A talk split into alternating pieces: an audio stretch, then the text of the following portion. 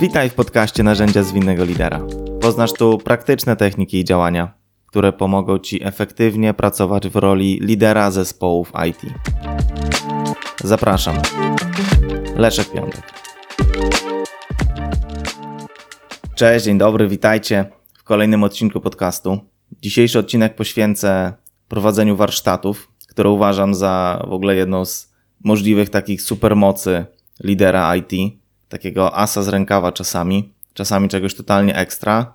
Taka umiejętność prowadzenia warsztatów, wiedza jak to robić, umiejętności facylitatorskie, techniki, narzędzia, to jest coś, co może służyć Wam zarówno we współpracy z zespołami, którymi pracujecie wewnętrznie, jak i chyba nawet może przede wszystkim we współpracy z biznesem, którym pracujecie, czy też na przykład wchodząc w nowy projekt, nowy temat, nową współpracę z klientem. I o czym ja w ogóle dzisiaj będę mówił, to znaczy, co ja rozumiem przez warsztat. Warsztat to jest dla mnie nic innego, jak po prostu większe, mam na myśli dłuższe niż zazwyczaj spotkanie jakiejś grupy ludzi, którzy mają jakiś cel, który jest no, zazwyczaj jakiś strategiczny, szerszy niż załatwienie jakiejś jednej małej, niewielkiej sprawy, zwanej ad hocowej, czy takiej związanej z naszym business as usual. Często takie spotkanie trwa, no myślę, że minimalnie, jeżeli mamy mówić o jakimś faktycznym warsztatowaniu się, to pewnie jest jakieś pół dnia, jeden dzień, jeśli chodzi o takie tematy dość, można powiedzieć, proste, które da się całym procesem warsztatowym objąć, a szersze tematy, tematy bardziej strategiczne, no zazwyczaj, żeby osiągnąć jakiś cel, zbudować jakąś roadmapę czy strategię, no to jest kilka dni. Dwa, trzy, cztery dni. Często taki, taki warsztat ma też zewnętrznego facylitatora, czyli tak ja rozumiem warsztat, o tym będę w tym odcinku opowiadał. I zanim przejdę do merytoryki, mam mega inspirującą historię, która spotkała mnie niedawno. Rozpocząłem współpracę z nowym klientem, nowym partnerem. Jest bardzo duża spółka czy sieć spółek rozsianych po całym świecie z taką główną siedzibą w Niemczech. To, czym się aktualnie zajmuję tak bardziej domenowo, to jest taki consulting chmurowy, głównie skupiony wokół chmury Microsoftowej, a natomiast nie tylko. I ten klient powiedział, że potrzebuje takiego konsultingu, żeby pomóc im poustawiać taką właśnie długofalową strategię przejścia do chmury całej tej międzynarodowej organizacji. Mają w tym jakieś kompetencje, trochę się tym bawili, natomiast widzą, że potrzebują zewnętrznych specjalistów, którzy pomogą im poukładać właśnie taki plan, taką roadmapę na kilka lat w przód.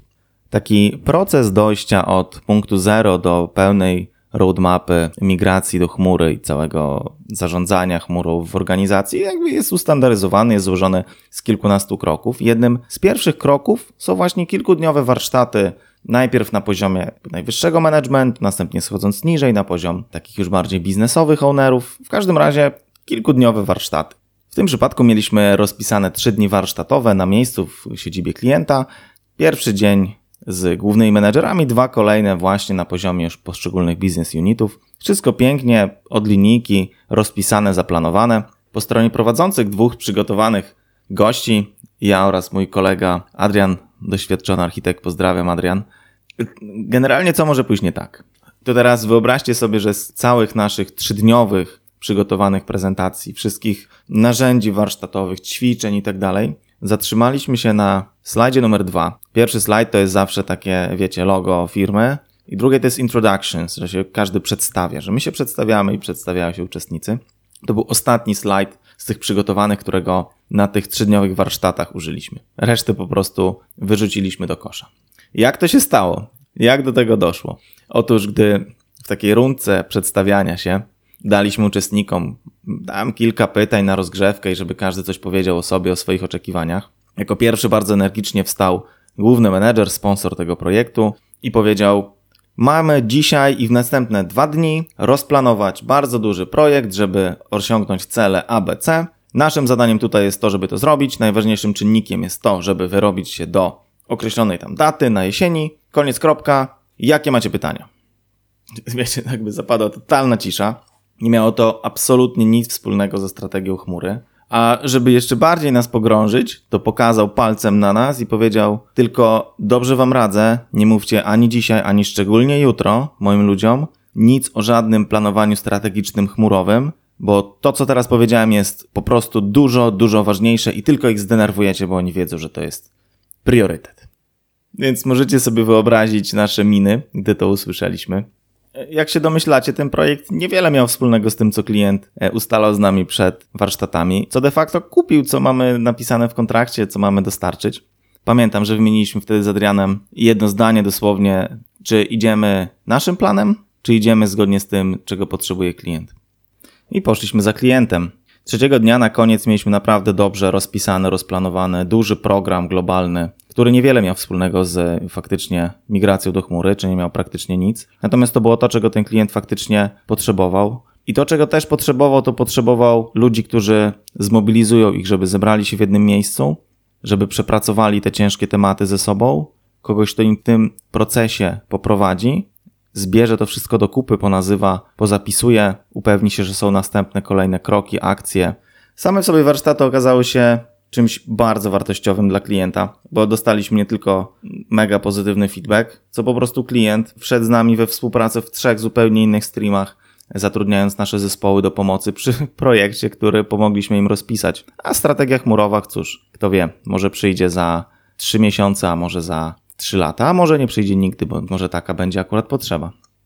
To, co natomiast z tej historii wynika dla mnie, to jest to, że te umiejętności, ten warsztat dotyczący prowadzenia warsztatów, ta pewność siebie, to takie doświadczenie pracy właśnie warsztatowej z ludźmi, z zespołami, no po prostu trochę uratowało, uratowało nam te trzy dni. To, że było nas dwóch doświadczonych, pewnych siebie e, konsultantów na miejscu, którzy potrafili to udźwignąć, zmobilizowało mnie do tego, żeby podzielić się też tymi kilkoma rzeczami z wami, żebyście wy też mieli kilka takich prostych, lecz niełatwych, jak to często bywa narzędzi w swoim rękawie.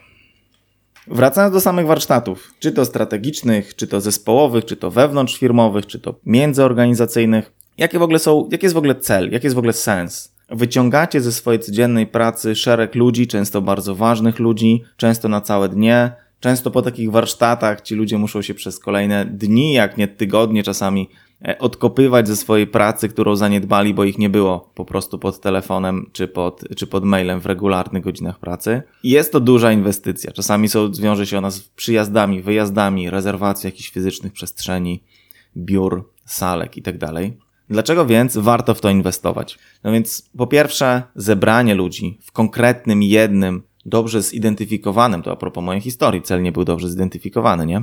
Dobrze zidentyfikowanym celu gwarantuje, że ci ludzie będą skupieni. Samo w sobie takie wyjście i skupienie na jednym temacie jest też oderwaniem od takiej, no właśnie, codzienności menedżerskiej, która często w jednym dniu łączy kilka, kilkanaście, czasami kilkadziesiąt zupełnie różnych wątków, projektów, inicjatyw, nie wiem, eskalacji, decyzji, a tutaj jest to zupełne oderwanie od takiej właśnie codzienności wożenia tej taczki i skupień na jednym temacie. To jest naprawdę coś e, absolutnie odświeżającego dla głowy i ludzie, którzy biorą udział w warsztatach też bardzo to doceniają. Szczególnie jak się w ogóle mogą spotkać na miejscu, nie włączać komputerów i pobawić się kolorowymi karteczkami. To jest absolutnie coś wspaniałego. Natomiast już bardziej pragmatycznie, jeśli chodzi o benefity, o wartość z warsztatów, to co się dzieje bardzo często na koniec spotkania i to co e, ludzie uczestnicy, menedżerowie doceniają, to jest to, że ok, no to teraz się rozumiemy. To jest to, co jest po angielsku nazywane często alignment albo being on the same page. To jest to, że taką ilość czasu spędziliśmy na rozmowie o danych tematach, na tyle sparafrazowaliśmy nasze potrzeby i następnie nasze cele, że my naprawdę teraz wiemy, że my gramy do jednej bramki, a na przykład zbudowanie roadmapy czy realizacja roadmapy, każdy z nas ma w głowie dokładnie to samo. I tak samo nie tylko alignment ten w celach i rozumieniu tego, do czego dążymy i co chcemy osiągnąć, ale też alignment w działaniach. To znaczy, każdy dobry warsztat kończy się akcjami, które wiadomo kto, kiedy, gdzie, w jaki sposób, e, no w jaki sposób to może za dużo, e, natomiast wiemy, co każdy ma do zrobienia. Poza tym, że wiemy, do czego dążymy, czyli cele wysokopoziomowe, poza tym, że wiemy, jakie mamy następne kroki, no to same kroki to często jest za mało, czyli tak jakby przyporządkowanie, napisanie i przyporządkowanie tasków. Bo w takim standardowym procesie warsztatowym to jest też rozmowa o współpracy między nami, o tym, gdzie są zależności między poszczególnymi działami. To jest umowa taka międzyzespołowa, międzymenedżerska, międzyludzka, w tym jak się będziemy ze sobą komunikować, jak będziemy ze sobą tymi zależnościami zarządzać, gdzie będziemy śledzić progres, w jaki sposób, jak często będziemy się spotykać, o czym tam będziemy rozmawiać, jakie w ogóle są ryzyka, co może tutaj pójść nie tak, co zrobimy w takiej a takiej sytuacji. Jest tego bardzo, bardzo dużo. No i jeżeli spotkalibyście się z taką grupą ludzi na godzinkę czy dwie, pewnie by to było po prostu planowanie, czyli, e, czyli porozbijanie, porozrzucanie tasków. Natomiast robiąc warsztat, robiąc warsztat taki naprawdę kilku, kilkudniowy, na poziomie strategicznym macie szansę zahaczyć te tematy, które naprawdę bardzo często wywracają projekty do góry nogami. Bo to, co powiedziałem, czyli zależności, to, co powiedziałem, czyli jak ze sobą współpracujemy, jaką mamy kadencję na przykład dostarczania sobie wzajemnie, wdrażania rozwiązań i tak dalej, to są rzeczy, na których często projekty się wywracają, czyli standardowo każdy zespół zrobił swoje, umywa ręce i mówi: Ja moje zrobiłem. To, że nie działa, to nie moja wina. No to jest dokładnie to, czego chcecie unikać. Na takich warsztatach też benefitem, który możecie wyciągnąć, jeżeli dobrze zainwestujecie czas, jest to, że nie tylko powiecie o tym, jakie są cele, na przykład na poziomie działu, czy nawet całej firmy, ale też jak te cele, jak to się ładnie mówi, skwantyfikować, czyli jak my będziemy mierzyć. No okej, okay, celem firmy jest wzrost na rynku. Okej, okay, no to teraz co to znaczy wzrost na rynku? Czy wzrost liczby klientów, których ma ta firma? Czy wzrost wolumenu sprzedaży do wszystkich klientów? Czy wzrost też mierzony przychodami? Czy wzrost mierzony pokryciem yy, czy porównaniem nas z konkurencją? No jeżeli nie mamy odpowiedzi na to pytanie, no to możemy robić zupełnie nietrafione akcje. A nawet jeżeli mamy odpowiedź, powiedzmy, dotyczącą nie wiem, zwiększenia liczby klientów, no to ok, no to w takim razie jak będziemy to mierzyć, jak często będziemy na to patrzeć i dopiero gdy mamy to, e, te właśnie outcome e, nazwane między wszystkimi, można powiedzieć przybitą piątkę, że rozumiemy to tak samo, no to wtedy pewnie dopiero wtedy następuje czas na faktyczne planowanie. Wiemy do czego dążymy, więc dopiero wtedy możemy planować realne działania. I dopiero gdy mamy te wszystkie rzeczy, czyli wiemy gdzie jedziemy, wiemy dlaczego, wiemy jak będziemy to mierzyć, wiemy mniej więcej co trzeba zrobić na wysokim poziomie, wiemy jakie są ryzyka, wiemy jak wygląda dynamika naszej współpracy i tak dalej, ten nasz proces dostarczania i, i inne ważne wokół procesu aspekty, czy to ludzkie, czy technologiczne, no to dopiero mając tą podstawę możemy rozmawiać o czymś takim, co szumnie, często, buzzwordowo nazywamy roadmapą. No bo jeżeli tego nie ma, no to możemy zrobić po prostu listę zadań, porozrzucać pomiędzy zespołami, wrzucić na jakąś oś czasu ładnie, graficznie wyrzeźbioną w PowerPointie, czy nawet wygenerowaną z jakiejś Jiry czy DevOpsa. Natomiast to wciąż jest tylko pod spodem lista zadań, a nie roadmapa przez duże R. Mam nadzieję, że choć trochę przekonałem Was, że warto robić solidne warsztaty. Więc teraz pięć dobrych praktyk ode mnie, z których warto skorzystać przy prowadzeniu takich warsztatów. Co ciekawe, trzy z tych pięciu punktów są to punkty, które dotyczą przygotowania do warsztatu, czyli tego, co się dzieje jeszcze zanim zgromadzicie się w jednej salce lub ewentualnie dzwonicie się na, na, na spotkanie warsztatowe. Krok numer jeden. Zakładam, że jeżeli będziecie prowadzić warsztat, możecie to robić z dwóch możliwych ról, to znaczy albo zostaliście przez kogoś poproszeni, żeby takie warsztaty poprowadzić lub zatrudnieni e, do tego, żeby to zrobić, albo wy jesteście menedżerem, liderem, któremu zależy na tym, żeby takie warsztaty strategiczne dla swojego działu, dla swojego zespołu, dla swojego produktu poprowadzić. I niezależnie, czy występujecie w tej roli numer jeden, czy w tej roli numer dwa, pierwsza podstawowa rzecz to jest dobre nazwanie, zapisanie celu, jaki macie na ten warsztat. Spotkanie, którego celem jest wypracowanie strategii, nie jest to wystarczająco dobry, dobry cel. Znaczy, może jest on dobry na start, natomiast na start przygotowań, natomiast na pewno wchodząc na warsztat potrzebujecie mieć dużo, dużo więcej, dużo precyzyjniej, no bo po prostu zamiast robić robotę będziecie się zastanawiać nad tym, co tu chcecie osiągnąć. Tak więc nazwanie tego celu, nazwanie celu warsztatu, co konkretnie chcecie osiągnąć. Być może nawet, jeżeli już wiecie co, to możecie już się zastanowić nad tym, jak to właśnie skwantyfikować, jak to zmierzyć. Jakby być może to będzie efekt warsztatu, natomiast jeżeli możecie zrobić jakąś pracę w tym zakresie już przed warsztatem, zróbcie ją przed warsztatem. Ważne też na start jest odpowiedzenie sobie na takie pytanie, dlaczego warsztat, a nie jakakolwiek inna forma. Warsztat jest tylko narzędziem, które może Wam pomóc osiągnąć jakieś cele poprzez spotkanie odpowiednich osób. Natomiast to nie jest narzędzie jedyne. Być może zgromadzenie tych bardzo drogich osób na 1, 2, 3 dni jakby nie jest opłacalne w danym przypadku, więc może, e, może to nie do końca będzie warsztat, co najlepiej zaadresuje Waszą potrzebę. Także odpowiedzenie sobie na pytanie, dlaczego warsztat, a nie co innego, też jest absolutnie słuszne na początek. Idąc dalej, jeżeli już mamy podstawowy cel, no to przygotujmy sobie takich szereg pytań, na które chcemy te odpowiedzi poznać. Być może będziemy potrzebować w ogóle zwizualizować sobie na przykład dany proces, albo strukturę działu, albo nie wiem, architekturę produktu, czy ścieżkę użytkownika. To jakby bardzo zależy od tego, jaki mamy kontekst warsztatu. Natomiast znowu, jeżeli możemy to zrobić przed workshopami, zróbmy to przed workshopami. Najlepiej jest wchodzić już z listą konkretnych, bardzo konkretnych E, pytań na taki warsztat, na które chcemy poznać odpowiedzi, bo wątków i tak gwarantuję Wam, że się pojawi masa pobocznych. Jeżeli wejdziecie na warsztat z taką myślą, dobra, wiem, że mamy ważny produkt do zrobienia albo ważny cel, kropka, tyle, wejdźmy i zastanówmy się, jak to zrobić na zasadzie takiego brainstormingu, zapewne nie jest to najlepsze wykorzystanie czasu. Generalnie no, ten wniosek do tego punktu numer jeden mój jest taki, zróbcie przed warsztatem tak dużo, jak się da.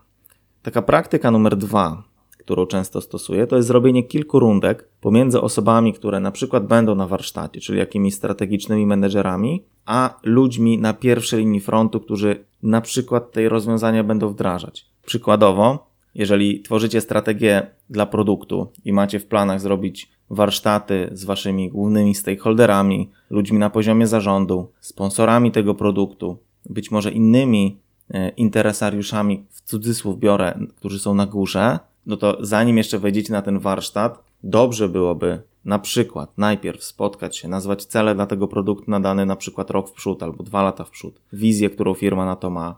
Następnie wrócić z tą wizją do zespołu, wszystko jeszcze przed warsztatami tymi głównymi, skonfrontować to, złapać, skonsultować z zespołem, złapać ich kontekst, złapać to, czego nie widzą ludzie na górze e, w biznesie, a widzą ci na dole. Jakie są na przykład problemy takie bardzo przyziemne z produktem, co jeszcze warto uwzględnić, jak wygląda technologia, te rzeczy od dołu. Czyli skonsultować tą wizję z ludźmi. Następnie wrócić być może znowu jeszcze przed warsztatem do menedżerów i powiedzieć: Słuchajcie, rozumiem, że mamy takie i takie i takie cele dla naszego produktu, strategiczne na następny rok czy dwa. Nasi ludzie do tego uważają, że należy przebudować delikatnie architekturę, żeby te cele na przykład łatwiej było osiągnąć, czy też żeby technologia, której używała, była enablerem do tego, żeby to wykorzystać. Być może zespół w ogóle usłyszy to why, co chcemy osiągnąć, być może nawet usłyszy what, czyli w jaki konkretnie sposób, natomiast oni wrócą z tym how, czyli jak to zrobić. E, I to trochę o to chodzi, jakby żeby te dwa głosy się uzupełniały. Zazwyczaj ludzie na dole będą mówić, ja nie wiem jaki jest cel tego produktu tak bardzo szeroko, jeśli chodzi o organizację a ci na górze będą mówić, ja nie wiem jak to jest zrobione.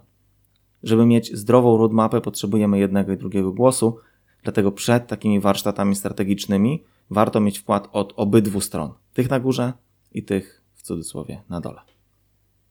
To, co też warto zrobić jeszcze przed warsztatami, kolejny element takich dobrych praktyk, to jest tak konkretne jak to możliwe rozpisanie agendy. To znaczy mamy już cel, nie zostawiajmy sobie takiej przestrzeni nie idźmy na żywioł. To jest trochę tak. To jest trochę o tym, że najlepsze teatry improwizacyjne to są te, które najwięcej ze sobą trenują. To są te, które są najlepiej przygotowane. Improwizacja nie polega na tym, żeby wymyślać coś totalnie z czapy, tylko improwizacja polega na pewności siebie i dużej takiej giętkości, pewności, dużej ilości opcji, które mamy.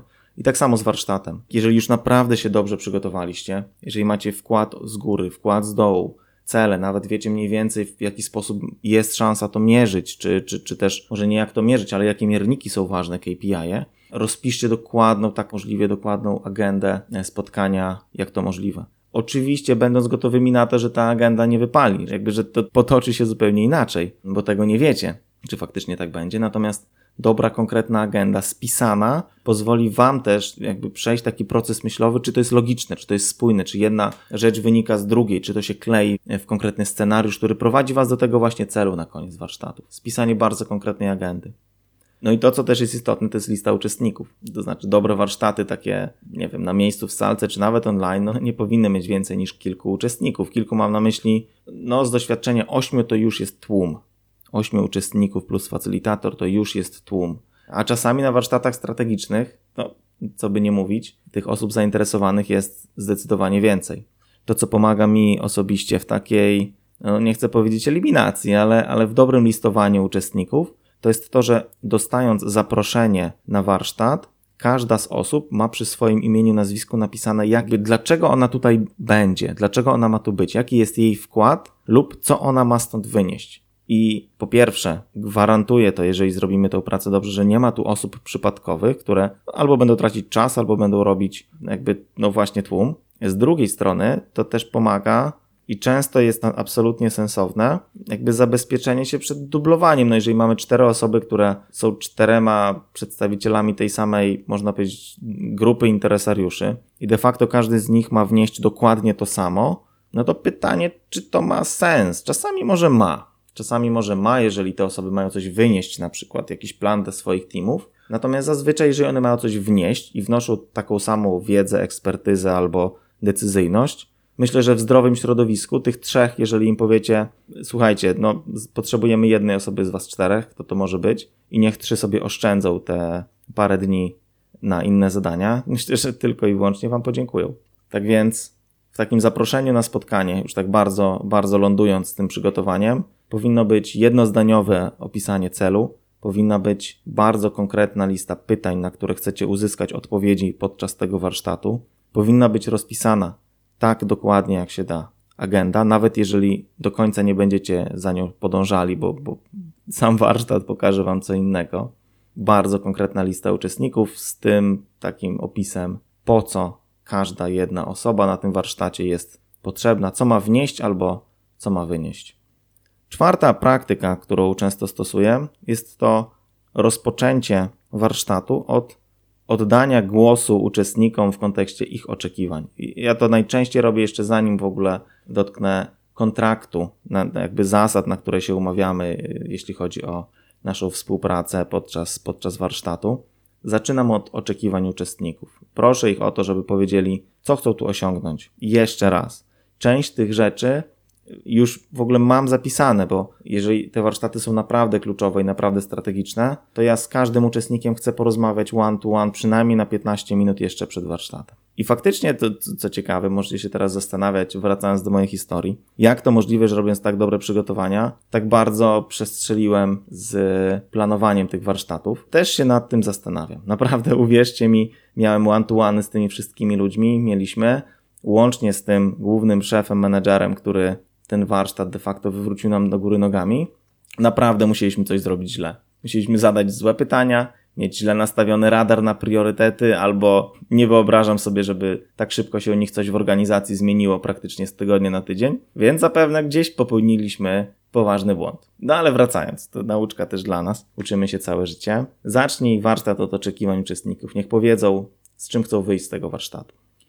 I piąta, ostatnia praktyka, Mówiłem o przygotowaniu, mówiłem o rozpoczęciu warsztatu i piąta jest o zakończeniu warsztatu, czy też o tym, z czym zapewne powinniście z takiego strategicznego warsztatu wyjść. Powinniście na pewno wyjść z następnymi krokami, następnymi akcjami. Bardzo konkretnymi, kilkoma, maks, no kilkunastoma to jest myślę za dużo. Ale co najmniej kilkoma, pięcioma, siedmioma, ośmioma akcjami, które powinny się tutaj wydarzyć w następnych dosłownie tygodniu, maksymalnie dwóch, wrzuconymi na oś czasu. Zazwyczaj z warsztatu wychodzi taka taka lista najbliższych ad hocowych działań, które pozwolą nam ruszyć de facto z realizacją strategii, z egzekucją strategii. E, te kroki powinny być naniesione już na oczywiście oś czasu, taką najbliższą, natomiast cała nasza współpraca, czy też praca nad egzekucją tej strategii, którą wypracowujemy, roadmapy, cokolwiek nam z tych warsztatów wyjdzie, powinno być wrzucone w taki nasz proces i właśnie oś czasu i współpraca dotycząca na przykład tego, jak często kto z kim rozmawia, jak często mamy statusy, jak w ogóle ze sobą się komunikujemy, mm, jak często będziemy być może coś wdrażać, jak często replanować to, co, to, co sobie zaplanujemy. Czyli krótko mówiąc, długofalowo już rozpisany na osi czasu taki, można powiedzieć, generyczny proces. Z takiego warsztatu powinniście też wyjść z bardzo konkretnymi, natomiast wysokopoziomowymi celami, które są nazwane tak, że każdy dokładnie wie o co chodzi i jest ustalone to, jak będziemy mierzyć progres prac i jakie konkretne, nienegocjowalne mierniki nam będą o tym mówić. Zazwyczaj nie wyjdziecie z tak zwanymi OKR-ami już, czy w ogóle zadaniami rozbitymi dla zespołów. Czasami to się udaje, jeżeli ten zespół jest mały. Natomiast jeżeli pracujecie na poziomie strategicznym i macie kilku menedżerów, każdy ma swój zespół pod sobą albo kilka zespołów, może dział, nie jesteście w stanie po prostu w tak krótkim czasie i nawet nie jest to racjonalne, zejść na poziom y, planowania zadań. Natomiast to, co faktycznie możecie zrobić, to możecie tak ponazywać te cele, żeby widzieć i zagwarantować sobie, że wszyscy gracie do jednej bramki. Problemy później oczywiście będą, być może nawet będzie wchodzić jakaś polityka między, między tymi menedżerami, natomiast jeżeli dobrze ustalicie cele, jeżeli dobrze ustalicie mierniki i umówicie się na proces, no to dajecie sobie szansę na to, że ci ludzie pójdą do swoich działów i zaplanują to tak, żeby faktycznie, żeby wszyscy grali do jednej bramki. Niezależnie natomiast od tego, czy zejdziecie na ten poziom niski i po prostu zrobicie taki, można powiedzieć, nie wiem, PI planning, z którego wyjdzie wam rozpisany plan, co tak jak powiedziałem, raczej się nie wydarzy, czy wyjdziecie z takim ogólniejszym planem współpracy na najbliższe miesiące, kwartały i opisanym, jak będziecie współpracować, plus konkretnymi celami, no to jest to jakiś już konkretny, narysowany, nazwany plan, nawet jeżeli on jeszcze nie jest bardzo konkretny. Z czymś takim chcecie wyjść z warsztatów strategicznych, niezależnie czy one dotyczą działu, organizacji, zespołu czy produktu. Podsumowując, pięć dobrych praktyk. Trzy pierwsze dotyczące przygotowania, nazwanie celu, odrobienie tej pracy domowej, złapanie feedbacku zarówno od góry i tych celów, jak i skonsultowanie ich na dole z zespołami, z tymi ludźmi, którzy będą faktycznie te zadania realizować. Zrobienie bardzo dokładnej agendy oraz listy uczestników z takim justification, dlaczego oni mają swój czas tutaj y, zainwestować. Rozpoczęcie warsztatu od oczekiwań uczestników, zakończenie następnymi krokami, osią czasu, procesem, współpracą, uspójnioną wizją i celem. Temat prowadzenia warsztatów jest to temat, który nadaje się zapewne na co najmniej jedną książkę, a może kilka. Mam nadzieję natomiast, że przybliżyłem Wam go na tyle, żebyście zainteresowali się tym e, narzędziem, które według mnie każdy Scrum Master, Project Manager czy lider pracujący w organizacjach powinien w swoim toolboxie mieć. Jest to narzędzie bardzo, ale to bardzo przydatne. Dzięki za dziś i do usłyszenia następnym razem. Cześć.